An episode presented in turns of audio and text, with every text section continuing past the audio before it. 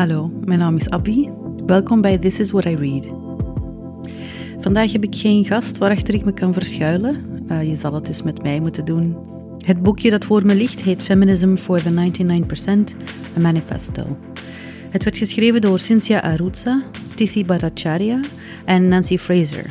Drie vrouwen, drie denkers en auteurs en drie organisatoren of sympathisanten van de International Women's Strike in de VS. Ik heb de Engelstalige versie gelezen, maar het boek werd recent vertaald in het Nederlands en uitgegeven bij EPO.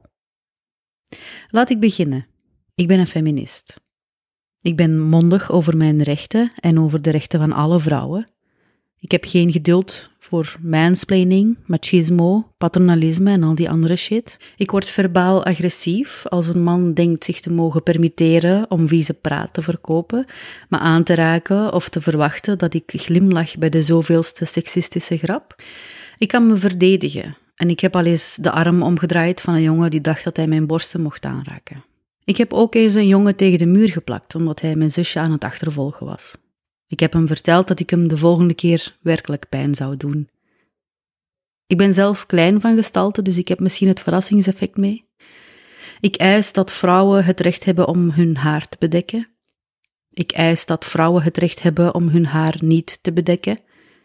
Ik eis dat vrouwen mogen dragen wat ze willen en dat niemand, en al zeker mannen niet, hen vertelt wat mag en wat niet mag. Ik eis dat cisgenderpersonen ophouden met het vermoorden van transpersonen en dan vooral ophouden met het vernederen, verkrachten en vermoorden van transvrouwen. Ik vloek op de pale, mail en stale raden van bestuur, panels, commissies en juries die ons land rijk is. Ik sta erop evenveel vergoed te worden als mijn mannelijke collega's. Ik ben er zeker van dat we meer vrouwen in topfuncties nodig hebben. Maar, er is een maar, niet als het ten koste gaat van andere vrouwen. En net daar wringt het schoentje. Het mainstream feminisme is een neoliberaal feminisme. Het is een feminisme dat ingebed is in het kapitalistisch systeem, dat misschien heel even een goed idee leek, maar dat de wereld in de afgrond heeft gestort waarin we ons nu bevinden. Dat klinkt misschien een beetje defetistisch, maar volgens mij alleen maar als je een man bent of een liberale feminist. Een directeurenfeminist, zoals Anja Meulenbelt het noemt.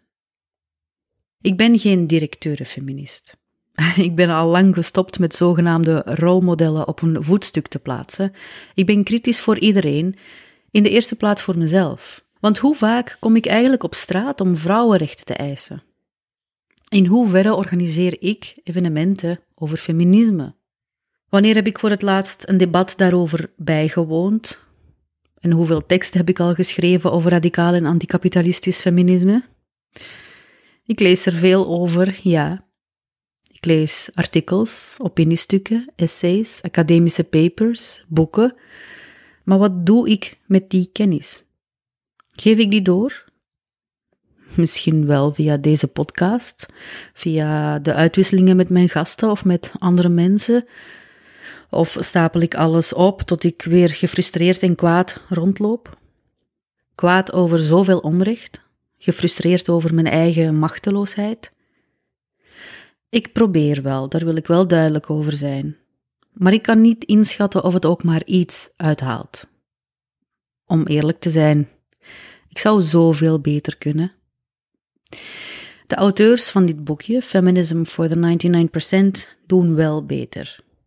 Zij vinden hoop in de internationale vrouwenstakingen van 2017 en 2018. Zij zien in het bankroet van het liberale feminisme een opening ontstaan waarin we een nieuw feminisme kunnen bouwen.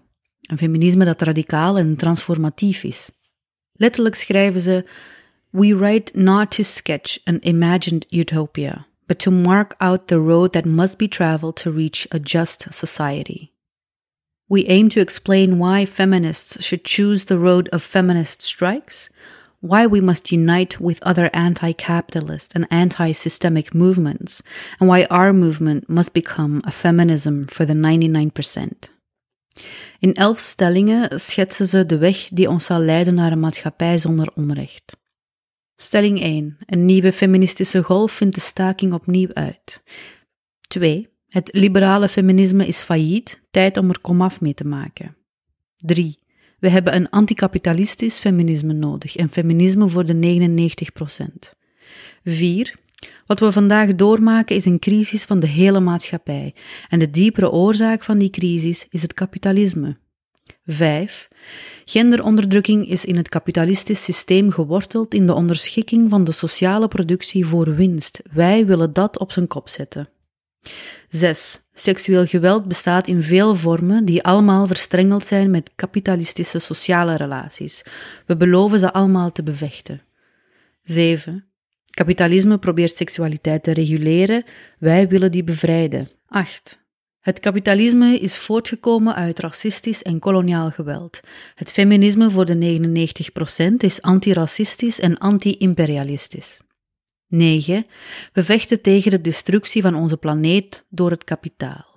Feminisme voor de 99% is ecosocialistisch. 10. Kapitalisme is onverenigbaar met echte democratie en vrede. Ons antwoord is feministisch internationalisme. 11. Feminisme voor de 99% roept alle radicale bewegingen op zich te verenigen in een gemeenschappelijke anticapitalistische opstand. Wat deze stellingen bindt, is de claim dat sociale reproductie, dus het maken en opvoeden van mensen nodig voor het doen draaien van de wereld, bewust ondergewaardeerd werd in het kapitalistisch systeem. En net dat werk wordt voornamelijk door vrouwen uitgevoerd. Het is cynisch. De kapitalistische machine heeft mensen nodig die arbeid verrichten, maar het maken en grootbrengen van die mensen wordt niet beschouwd als arbeid die vergoed moet worden. Nee, van die vrouwen verwacht het kapitalisme dat ze naast het grootbrengen van hun kinderen en het zorgen voor een community, dat ze ook nog eens één of twee andere jobs doen. En het is dus daar waar we de meest militante stakingen vinden. Van de stakingsgolf van leerkrachten in de VS, over de strijd tegen de privatisering van water in Ierland, tot de strijd van de Dalit rioolreinigers in India. Sociale reproductie, sociale productie, is dus een feministische kwestie, maar doorkruist wel verschillende assen. Die van klasse, kleur, seksualiteit, natie, ability, ik houd van het feminisme dat de auteurs voorop stellen, want het is breed en inclusief. Het is solidair. Het feminisme dat zij voor mogelijk zien, daar droom ik s'nachts van. Het is het feminisme dat de strijden verbindt. Denk maar aan de strijd tegen racisme, de strijd van queer communities, de strijd om het klimaat, die van personen met een handicap, voor arbeidsrechten, voor de rechten van mensen op de vlucht, het is het feminisme dat ik voortdurend verdedig en waarvan ik hoop dat het ooit waarheid wordt. Het is een internationaal feminisme, want we moeten dringend stoppen met navelstaren. We moeten kijken naar de wereld om ons heen. Onze acties hier hebben gevolgen voor de levenskwaliteit van mensen in andere landen. De auteurs schreven geen beleidsvoorstellen, wat ik ook niet van hen verwachtte. Het is tenslotte een manifest, geen startnota maar een manifest dat wel heel goed in kaart brengt wat de staat van de wereld is en hoe we die staat kunnen verbeteren. Het boekje heeft me energie gegeven, goesting. Dat is iets wat we allen nodig hebben, zeker als je dag in dag uit bezig bent met de strijden die ik eerder al aanhaalde. Daarom wil ik graag dieper ingaan op die laatste stelling in het boek. Stelling 11.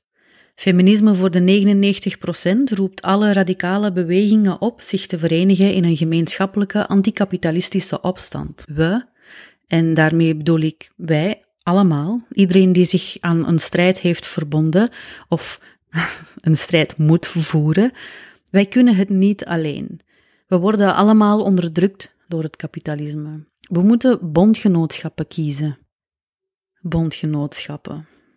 Dat woord heeft een vieze nasmaak gekregen, want, en ik spreek vanuit mijn ervaring in de antiracismebeweging, we zijn in het verre en recente verleden nogal in de steek gelaten door zogenaamde bondgenoten. Mensen en organisaties waarvan we dachten dat ze de strijd begrepen, kozen ervoor om na kritiek die ze kregen terug te klauwen, in plaats van dat ze echt luisterden wat die kritiek betekende. Dus veel mensen hebben hun geloof in bondgenootschappen ook opgegeven. Misschien is het volgende stukje tekst een interessante denkoefening voor mensen die bondgenoot willen worden. Ik zal de Nederlandstalige versie voorlezen. Die staat op pagina 98 van de Nederlandstalige versie van het boekje. Met deze keuze Ehm, de schrijvers bedoelen hiermee uh, de bondgenootschappen die gesloten moeten worden. Met deze keuze staan we diametraal tegenover de twee belangrijkste politieke opties die het kapitaal nu biedt. Wij verwerpen niet alleen het reactionaire populisme, maar ook het progressieve neoliberalisme. In feite is het door ons af te bakenen van deze twee dat we onze beweging opbouwen.